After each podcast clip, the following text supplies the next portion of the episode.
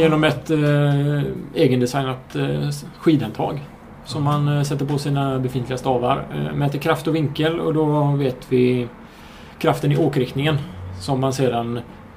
Ja, ekvationen är att man multiplicerar med eh, hastigheten man har också. Och eh, får fram effekten. Så det är ju väldigt intressant. Den, av den kraften man lägger på staven, hur mycket går i åkriktningen?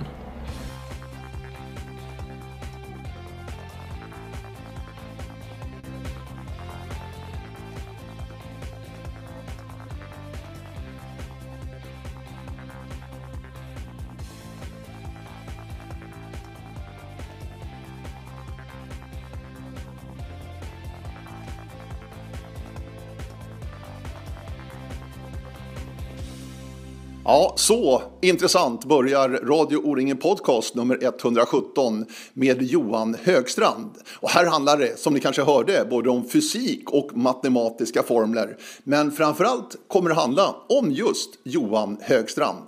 Johan, som har sprungit långa natten de två senaste åren när IFK Göteborg har vunnit bägge, dels i Göteborg och dels då förra året i Nynäshamn. Men två helt olika långa nätter för Johan Högstrand. Det där är intressant att ta del av hur han attackerar och löser problemen som ju uppstår under en 10 mila natt.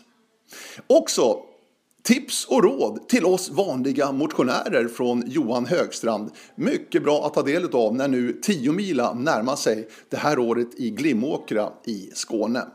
Johan Högstrand är också regerande mästare i natt-SM. Natt-SM är det dags för i Hässleholm och Vedema vann ju i fjol utanför Jönköping bara sekunden före Albin Ridefelt. Så att nog är han en riktig natträv, Johan Högstrand. Satsar också på det civila, har ju dragit igång ett eget företag och som ni hörde då jobbar med en stavgrej där det handlar mycket om fysik och mycket om matematiska ekvationer. Och det där livet och den där produkten är väldigt, väldigt intressant att ta del utav. Nämns i podden gör också Wolfgang Pichler bara en sån sak. Så häng med nu, Radio O-ringen Podcast nummer 117 i ordningen. Hör gärna av er förresten, radio oringen.se är adressen med lite önskegäster framöver eller andra synpunkter och kommentarer. Det är bara att dra iväg ett mejl. Men nu till podden, nummer 117 alltså med Johan Högstrand som en gång i tiden startade sin karriär i moderklubben OK Räven. Ja, det är där det allt börjat. Ja. Det är Sätila. Sätila, mm. i Tygriket. Tygriket, Sätila Mössan. Precis. Stenmark. Just det. Det är väl det vi har i Sätila. är Sätila fortfarande hemma för dig? Ja, det får jag säga. Det, det är det. Men du är göteborgare sedan nu hur många år?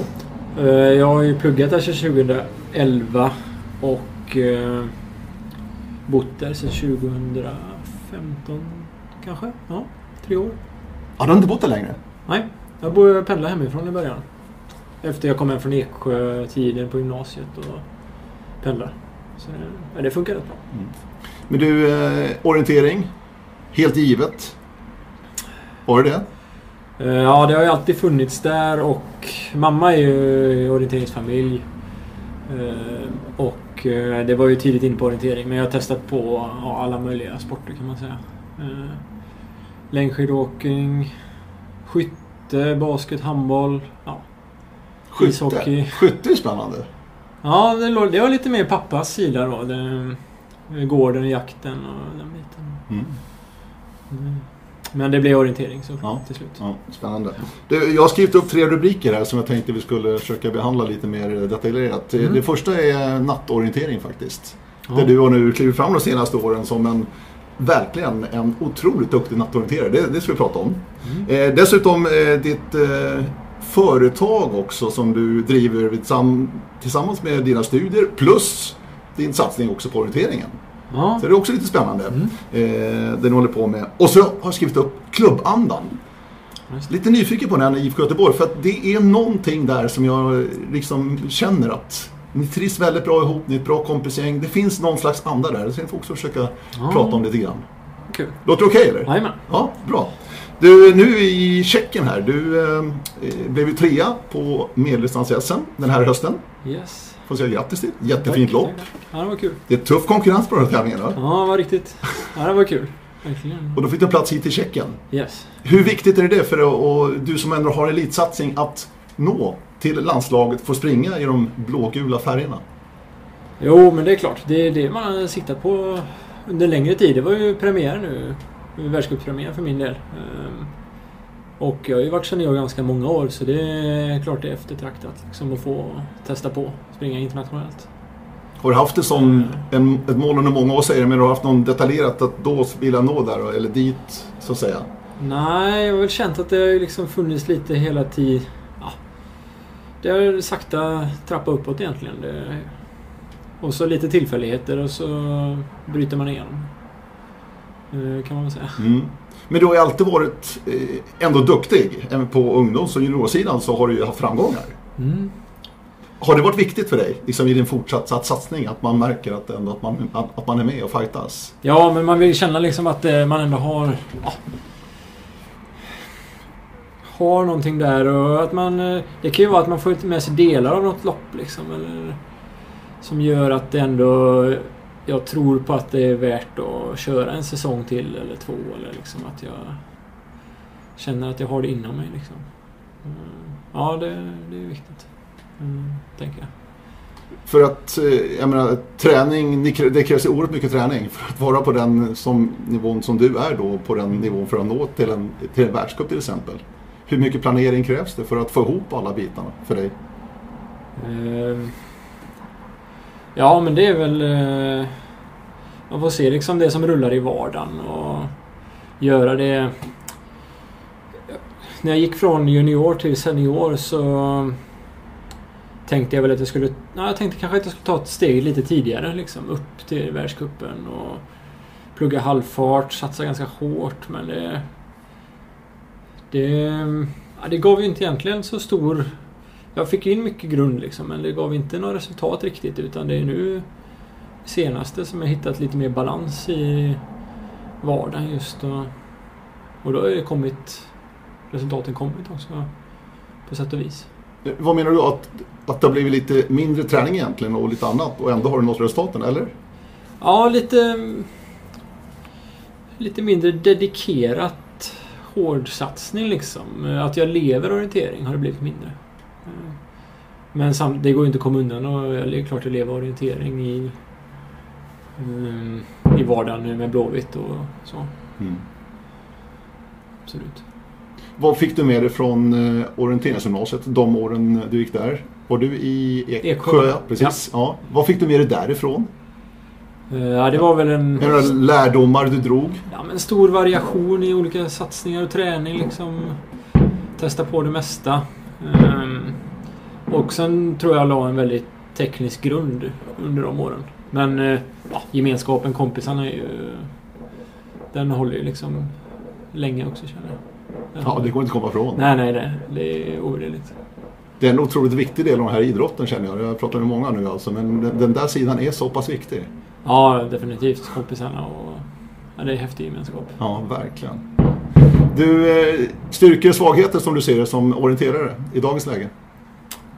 Ehm, Och har det skiftat under åren eller? Eh, Ja, tekni- tekniska grunden har väl, det känner jag väl att den har hållit hög nivå. Det är fysiken som jag har behövt jobba på och, och tagit lite kliv sakta med den. Mm. Men just, eh, ja det är väl tekniken. Svagheten är ju fysiken fortfarande. För att nå högt. Liksom. och är det där du lägger prion också rent träningsmässigt? Den fysiska delen, du känner den tekniska delen har du ganska bra koll på. Naturligtvis tränar teknik, det är inte det jag säger, men du lägger huvuddelen, merparten på fysiken. Ja, det, det är nog lite mindre orienteringsträning nu än tidigare. Eh, det det. Mm. Hur pass detaljerad är du i din träningsplanering, uppföljning och annat? Um, det, med åren har jag nog liksom lite... Som sagt, jag var väldigt fokuserad eh, som ung senior då, men eh, nu kanske jag nog har en mer övergripande tanke i huvudet och vet liksom lite erfarenhet av vad, vilka pass jag behöver göra. Eh, men det står inte på papper alls. Liksom, så. Mm. Ser till att hålla en bra tanke över en vecka, en månad på vintern. Och det är mest tanke, du skriver inte ner så mycket utan det är mest tanke och du har en plan i alla fall i huvudet. Ja, lite så. Träningsdagbok? Eh, Det är första året jag inte skrivit träningsbok i år. Det är så? Ja. Spännande. Okej. Var det något medvetet val eller bara sådär att du glömde bort det ett tag och sen, ah, jag struntar i det? Det... Nej, det, jag kände inte riktigt att jag använde det jag hade.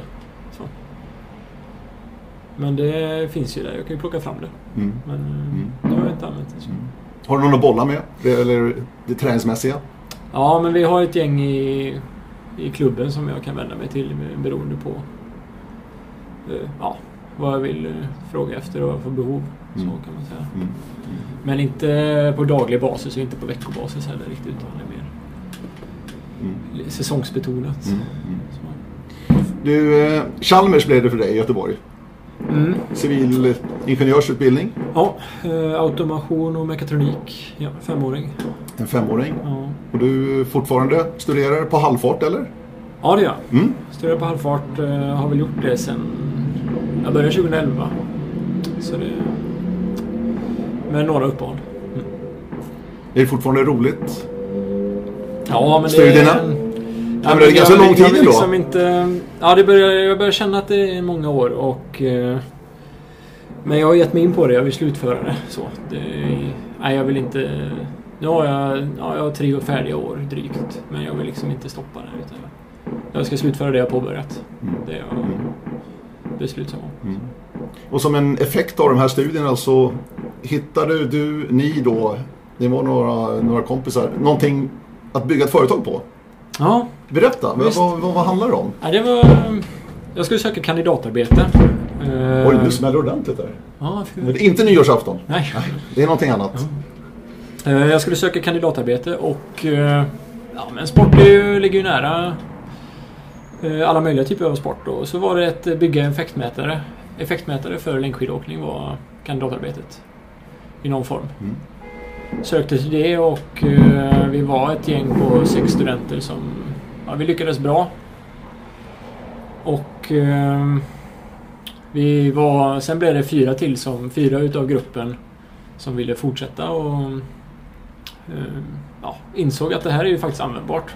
Och jag var en av dem. Så vi, och vi var två studenter och våra två handledare då som Ah, okej. handledarna från Chalmers var också intresserade av detta. Varav en av handledarna eh, har... Det var han som hade idén, idégivaren kan man säga. Han är gammal elitcyklist och börjat åka längdskidor och insåg att nej, det går ju att bygga för längdskidåkning också nu. Elektroniken blir mindre, ja, dataflödena bättre. Effektmätare, berätta, vad är det för någonting om, om du försöker beskriva det? Vad handlar det om? Eh, Ja, mäta effekten är ju arbetet, det är du prestandan liksom, eh, som hästkrafter på en bil. Det, och det vill man ju mäta då, hur bra man är egentligen. Det- En skidåkare vet ju aldrig... Det är olika fören hela tiden. Vasaloppet kan gå på 3.38, det kan gå på 4.20. Men eh, man vet inte vilken som var egentligen den bästa prestationen i det. Eh, och effekten är oberoende mått eh, på detta kan man säga. Så det är en väldigt intressant parameter i både träning och tävling då. För egentligen för isten- styra intensiteten på träningen främst då. Med hög precision. Eh, Så det är väl tanken. Och vad är det för någonting? Alltså, hur, bygger- hur, fungerar det? Ja, vi mäter eh, kraften i staven. Genom ett eh, egendesignat eh, skidhandtag. Som man eh, sätter på sina befintliga stavar. Eh, mäter kraft och vinkel och då vet vi kraften i åkriktningen. Som man sedan... Ja, ekvationen är att man multiplicerar med eh, hastigheten man har också. Och eh, får fram effekten. Så det är ju väldigt intressant. Den, av den kraften man lägger på staven, hur mycket går i åkriktningen? Ehm, bara där är ju en intressant parameter. Och sen eh, timing. Så det finns ju en stor teknikdel i det hela också. Som vi kan... Rörelsemönster grejer då. Men det vi mäter är kraft och vinkel på staven då, Mm. genom handtaget. Mm. Som är uppkopplat till, ja, till en eh, smart klocka nu faktiskt till och med. Eller en mobiltelefon. Mm. Så det är lite elektronik i handtagen. Det är lite kul. Mm. USB-kontakt. Ja, just det. Ja, ja, ja, Grejen. ja. Och hur, hur har ni provat ut det här? Med hjälp av skidåkare då? Vilka är intresserade av det här så att säga? Eh, Är det riktiga eliten bara, eller motionärer också tror jag i framtiden? Nej, men jag tror det är, ett, det är ett verktyg precis som vi använder eh, pulsklocka i dagsläget. Men de som eh, söker efter mest är ju eliten som vi har märkt nu då. Eh, Men vi vill ju bygga det som en ja, produkt, som ett träningsverktyg för gemene man. Egentligen. Mm. Och det har ju varit målet från början att det ska vara ett användbart verktyg egentligen. Träningsverktyg. Men såklart en nischad. En begränsad målgrupp Mm. Mm. Mm. Och Men- Wolfgang Pichler nämnde du.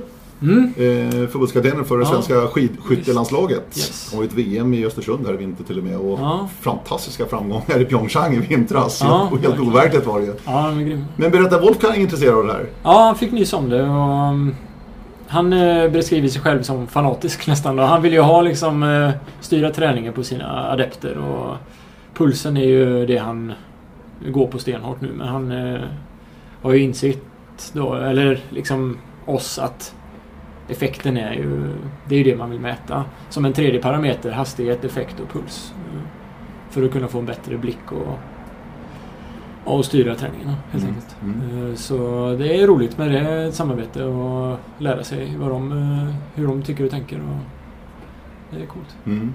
Vad, vad ligger ert fokus just nu i företaget? Så att säga? Är det att få ut den här produkten mera och även kanske förädla och vidareutveckla själva produkten också naturligtvis. Men just den här marknadsföringen, få ut det är också en stor bit av, ett företag.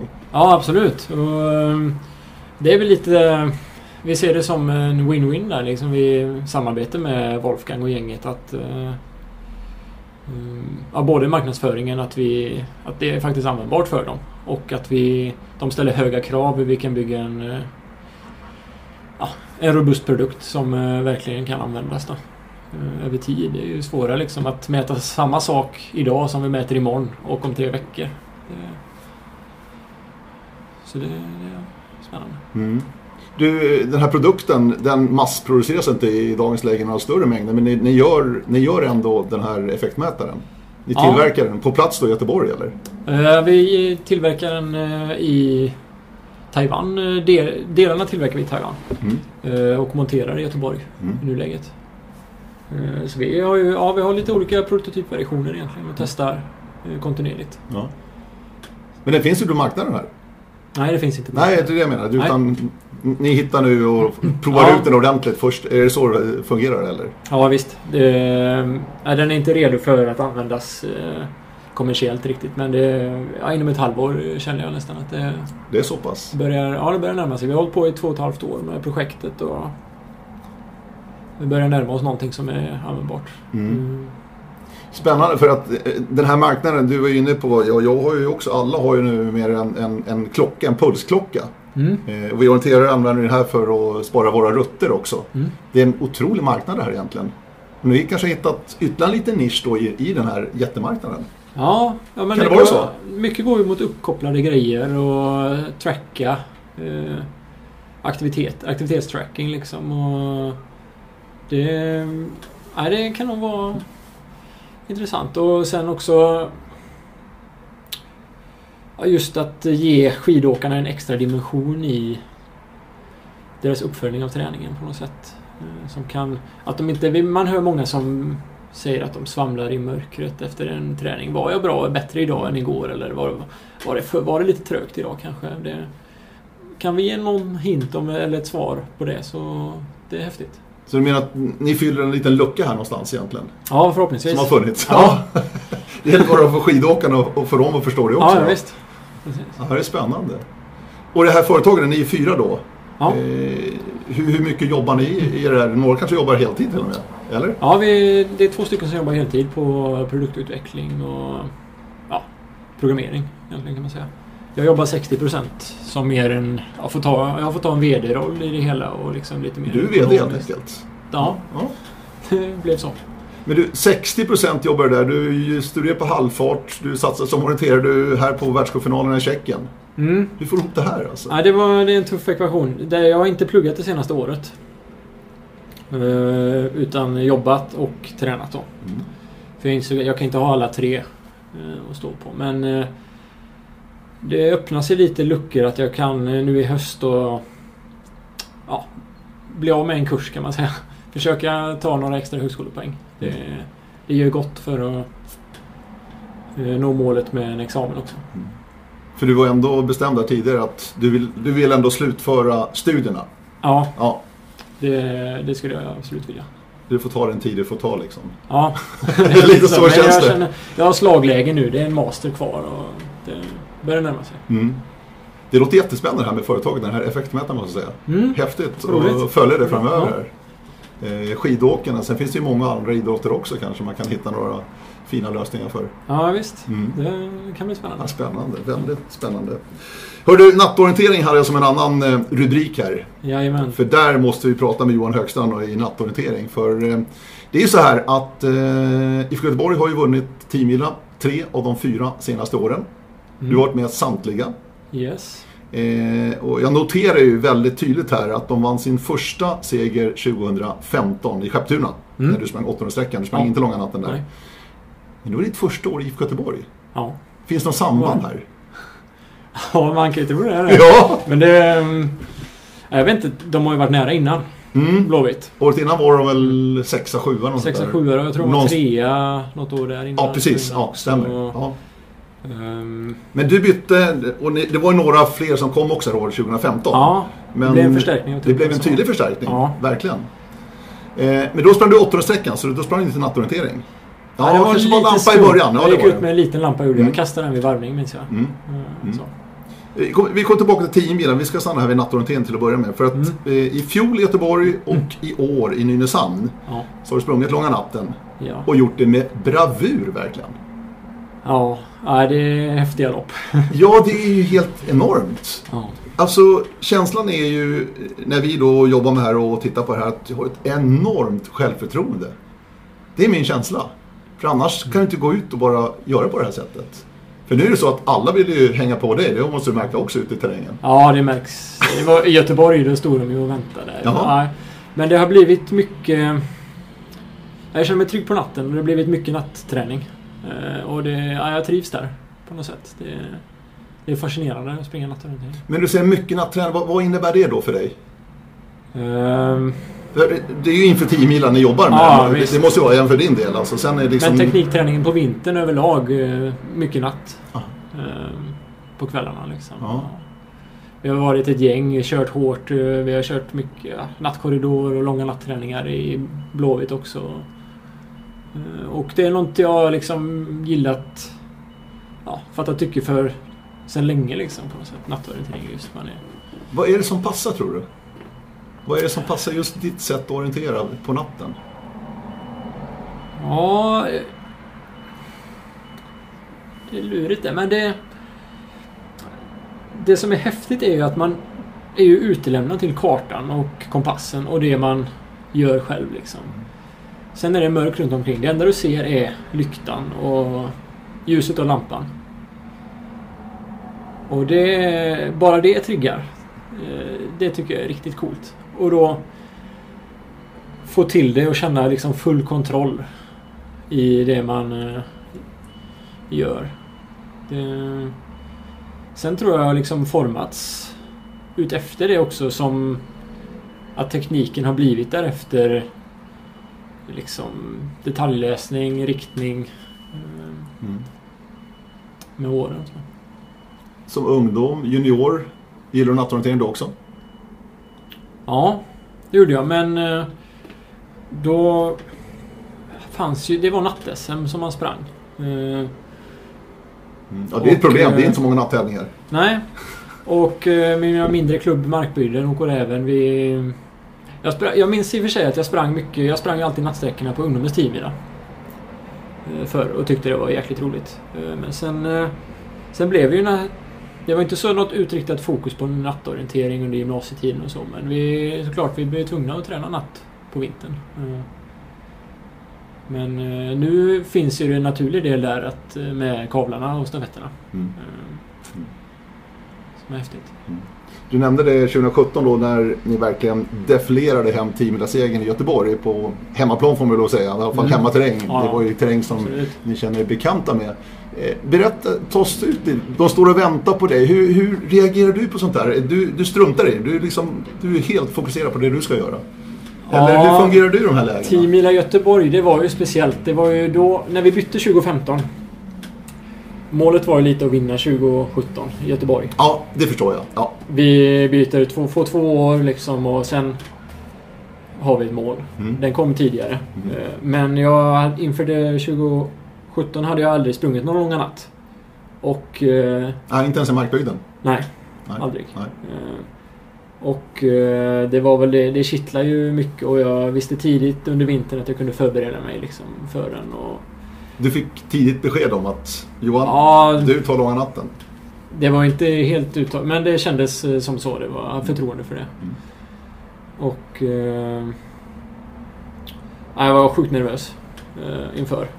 Eh, det finns så mycket som kan hända också på en lång nattsträcka. Det, mm, men jag hade ju väldigt klart för mig... Ja, vi kommer ju gå ut i, långt fram någonstans. Och med den här uh, natträningen vi bedrivit så jag var ju trygg att jag kommer eh, hålla. Eh, mitt lopp kommer vara... Jag var trygg att det kommer räcka bra liksom. Så det var väl med den eh, känslan jag gick ut egentligen på loppet. Och var väl såklart förvånad att de väntade på mig vissa där. Det var ju ganska lång tid de kastade bort. Det hade ju varit en annan stafett annars. Mm. Mm. Nej, det var, det var tufft. Var det. Verkligen. Hur mycket hjälp får du på sträckan där? Är, det- är det bara att de ligger i rygg på dig eller snackas det mycket i gruppen? Vad, vad händer där ute? Eh, Just 20, i Göteborg där, eh, det var, det var väldigt tyst. Eh, ja, jag minns att den Angela tror jag, i i Angela, gick upp inför ettan. Vi var lite snett. Ja, lite till höger sa han. Och så vek vi in och tog den. Men sen var det... Ja, jag minns inte. Jag pratade med någon på hela sträckan. Jag lyckades hålla ett jäkla fokus på något sätt. och- Mm. Där.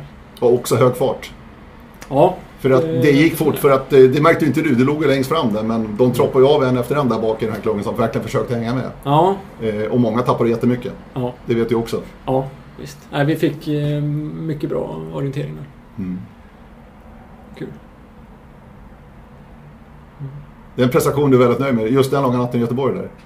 Ja, det var speciellt. Premiären och hemmaplan och vi vann och det var någonting vi siktade på liksom ordentligt som lag med. Mm.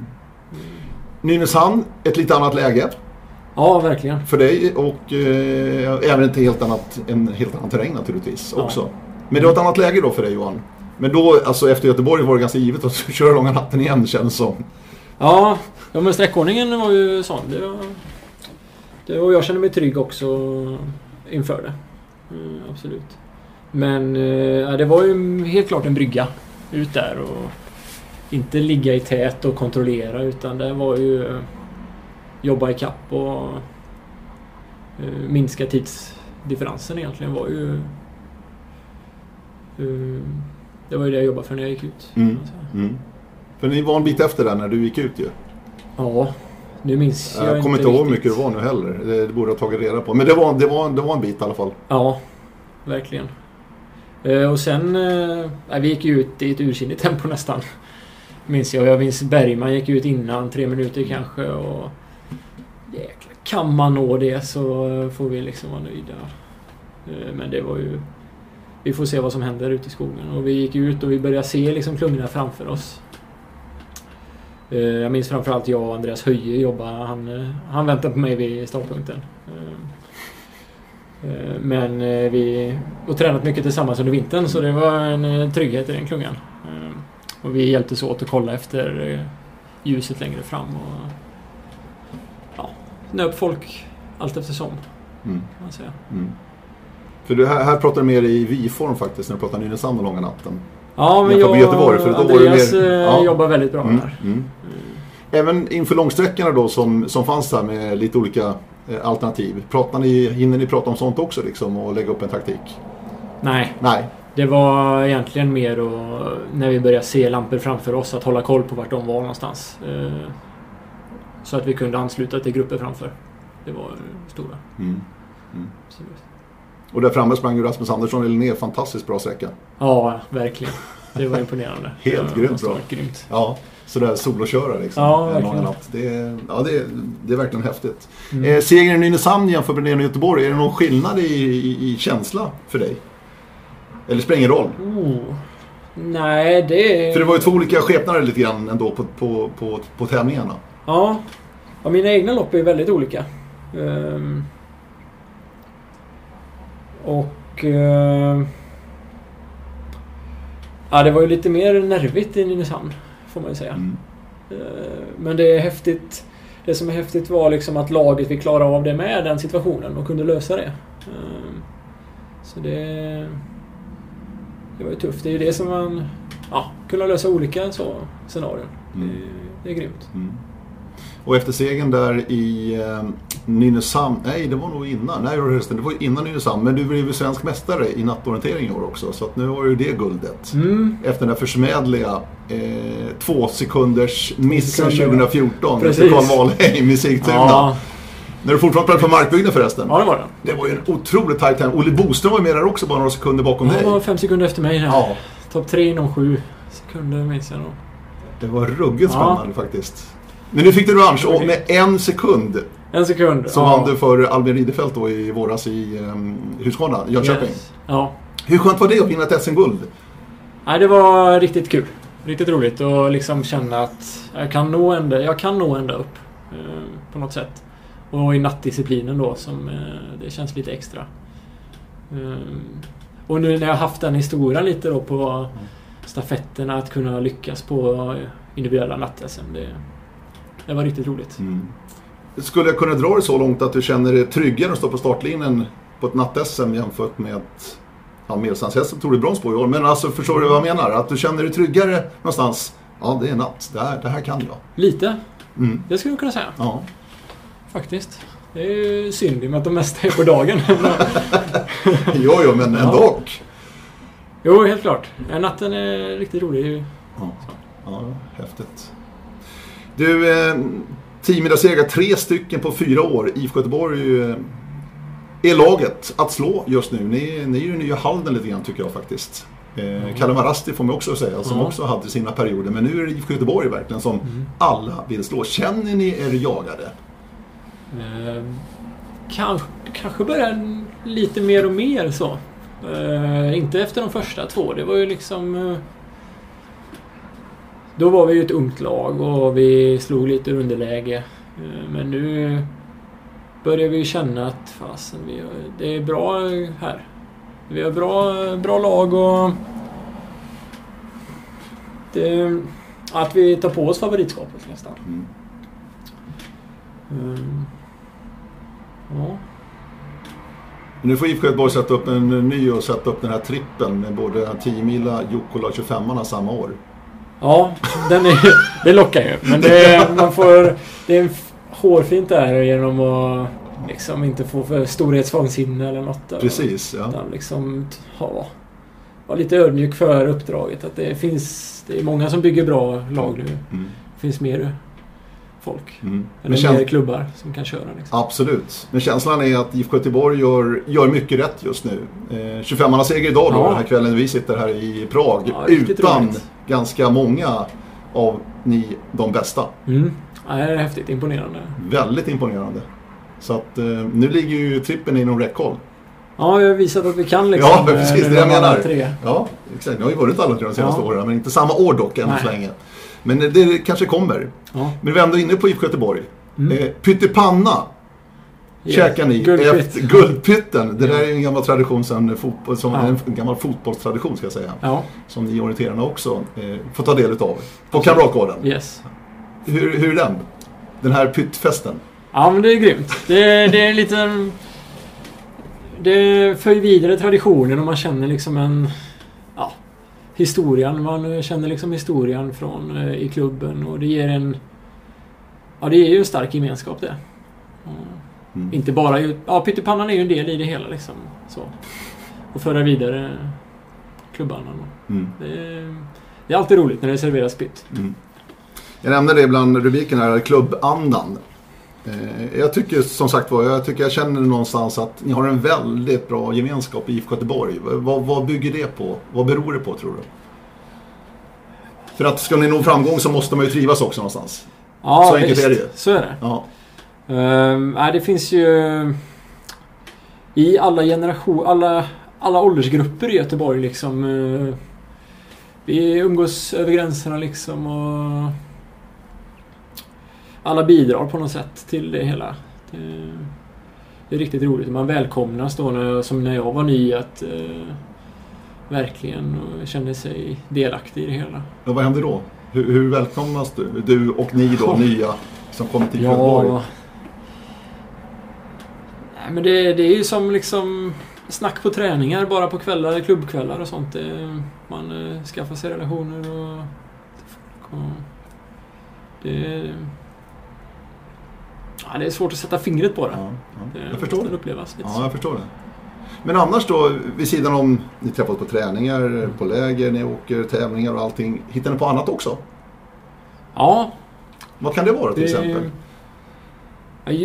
Som det ser ut nu är vi ju ett yngre gäng som bor väldigt tajt eh, och tränar mycket tillsammans. Det, och det finns ju utrymme för andra fritidsaktiviteter. Liksom, eh, man sticker iväg på något. Mm. Eh, Men det är mycket kopplat till träning och ja, Det är den så biten också. Så, är. Alla är, är rätt seriösa i grund och botten. Ja, men vi, det är mycket umgås igenom träning. Så, Mm. springa och snacka. Mm. Ledarsidan i IFK Göteborg, hur, hur pass viktig är den tror du?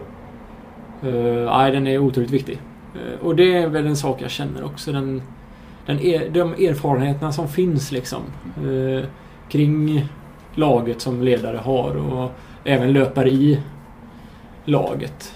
Liksom, som har varit med på hög nivå och vet vad som krävs. Och det, det ger en otrolig trygghet för oss yngre. Mm. Och se och lära mycket. Liksom. Det är häftigt. Lyssnar man? Ja, man lyssnar när de, de äldre har idéer och tankar. Mm. Det är en viktig bit det där verkligen. Du, Göteborg Mm.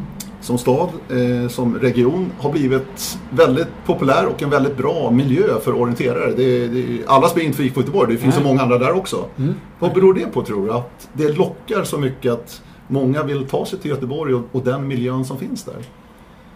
Jag vet inte riktigt. Det svänger ju under åren. Det har ju varit Ja, det- verkligen. Ja, men nu är Göteborg... Men nu är Göteborg liksom, det är bra klubbverksamhet. Eh, och all, de flesta utbildningarna finns ju där också. Eh, så närhet till mycket och det är ganska snöfritt får man ju säga. Eh, personligen liksom att det är inte sådana stora restider som i Stockholm kanske man ska ta sig till. Det tycker jag är härligt med Göteborg. Det är ändå överkomligt så. den, men det- den småstad någonstans. Lite, ja, det går snabbt att ta sig till Ja, mycket ja. saker. Det, det är helt klart. Eh, Och bra klubbverksamhet. då. Nej, för att det, det är många som tar sig till Göteborg. Det, det är absolut Ja. min känsla. Mm. Eh, terrängen som sådan, de kartor, det finns ju otroligt många. Det är bra kvalitet på kartor. Men Ja. terrängen i sig, är den bra tror du? Eller är den för tuff? För den är ju tuff. Ja, den är tuff.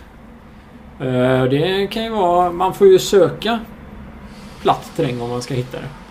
Som om man vill liksom förbättra något form. eh, Eller träna inför något mästerskap så. Då får man nog söka sig ut mot snabbare underlag också. Det, det är att tugga på upp och ner. Det, men det härdar också. Mm. i Delsjöterrängen liksom framförallt som ligger nära. Mm. Mm. Det, och tekniken är ju det, detaljerat, te, tekniskt krävande liksom. Det finns ju mycket terräng runt Mm. omkring. Mm. Du, eh, nu är vi i Tjeckien här under världscupfinalavslutningen, Mm. eller världscupfinalhelgen rättare sagt, i Mm. Prag och uppe i Turnov. Mm. ett eh, fantastiskt sandstensområde idag. Hinner du liksom njuta någonting av, för att det var ett fantastiskt ställe idag och terrängen var ju helt magisk också, på Ja. väldigt speciell. Ja, absolut. finns inte ens i Göteborg den, den Nej, nej. terrängen. nej, men hinner du njuta någonting när du är ute? För att orienteringen har ju ändå fört dig till många ställen, inte bara i Sverige utan även utomlands. Ja, Försöker du ta vara på det någonstans och verkligen mm, nypa dig i armen lite grann av det här är häftigt. Orienteringen Ja. är kul, man kommer verkligen ut till ställen som man aldrig annars hade kommit till. ja det försöker jag verkligen. Du gör det? Det tycker jag är tjusning i det hela att se. eh, Komma runt och se annat och lite... Det var väl liksom... Lite det att jag dragit ut på studierna eh, under många år.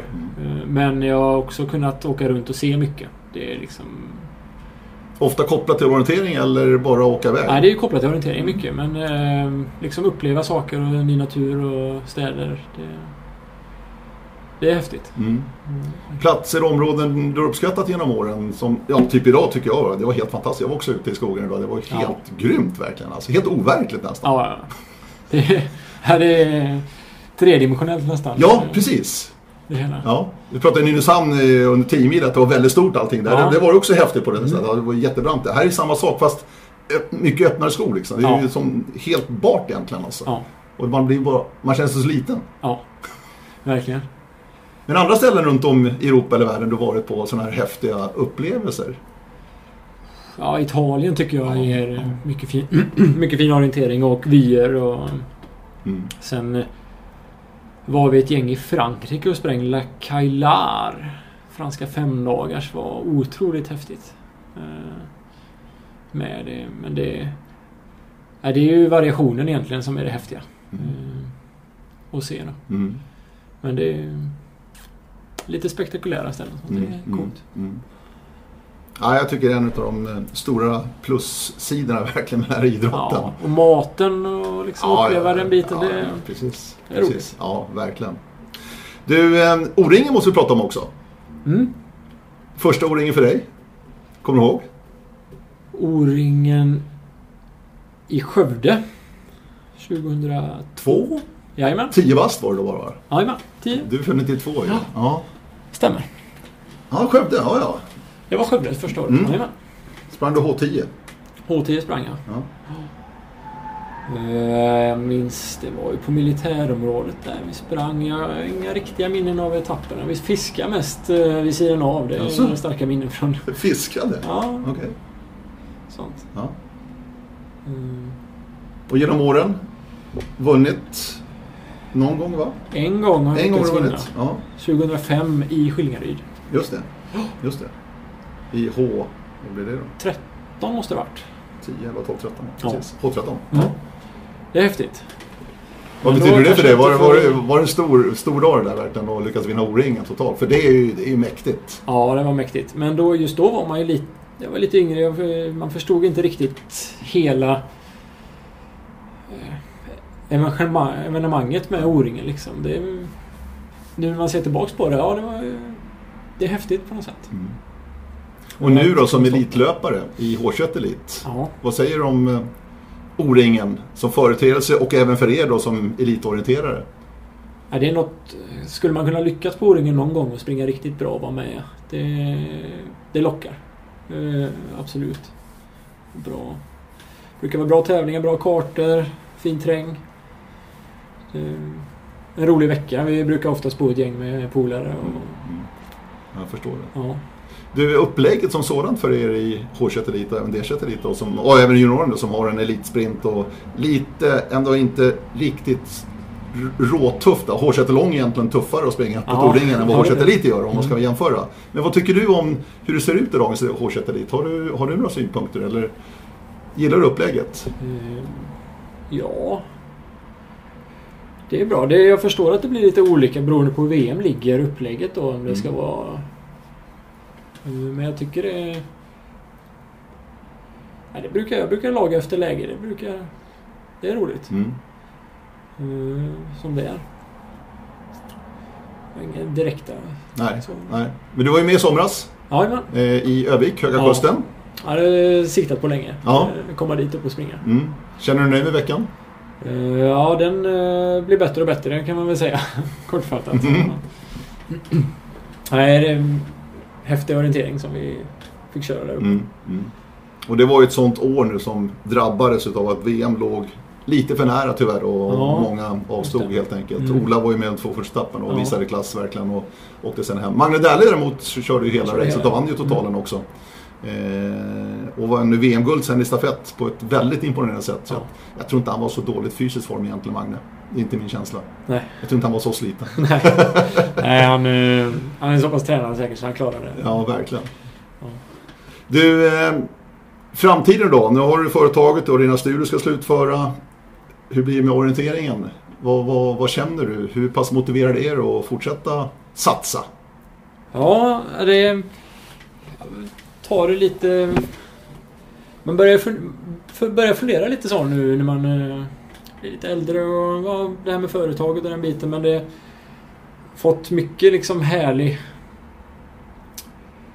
Ja, härliga resultat i år på något sätt. Att man vill ju fortsätta och det, det har väl inte varit någon snack, tvekan om det. Eh, och även som vi har klubben och stafettlagen. Det är liksom vi, vi alla tänker några år här nu som vi som vi bor tillsammans och kan köra hårt. Och, så det... Så att företaget är ju sin bit och orienteringen och sen får studierna komma så småningom i lagom takt. Mm. Eh, Det är väl tanken. Mm, mm, jag förstår. Eh, är det någon skillnad vad gäller satsning för dig Johan? Eh, om du skulle säga så här att nej, jag struntar i landslaget men jag vill gärna vara med och springa 10 mil för IFK Göteborg. Skulle det vara någon skillnad rent träningsmässigt för dig? Är inte Förstår så... du? Nej, inte så stor skillnad bra. va? Nej. Nej, jag förstår det. För det tänker jag... De senaste åren har jag nästan inte riktigt, som ung senior, inte något riktigt rått upp till senioraktiviteter. Men då kom Blåvitt in och jag har lagt hög fot. Då är liksom... Jag vet att, jag kan sakta på 10 mila Jukkola. Det är troligtvis springa dem.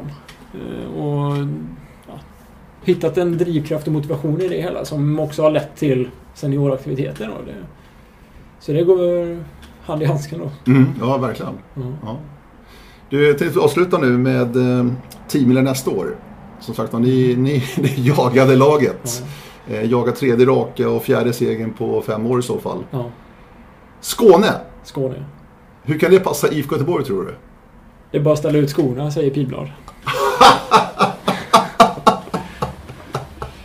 Ja, ja, för honom Nej, ja. ja. för honom. Ja. Men eh, det är annorlunda mot vad vi tränar till vardags. Eh, Men såklart, trygg, vi har byggt upp en trygghet kring att springa stafett. Det, det är nog den som är starkast hos oss. Sen vilken trängtyp det är. Vi, just genomförandet kan vi nå på många olika ställen. Men vi får ner och kolla läget här i Skåne. Mm. Det är spännande. Det har kommit streck Ja, det kom i Sträcklängderna kommer ju i Ja, veckan och ja. vi har redan börjat fundera liksom. Så Mm. snacket går. Mm.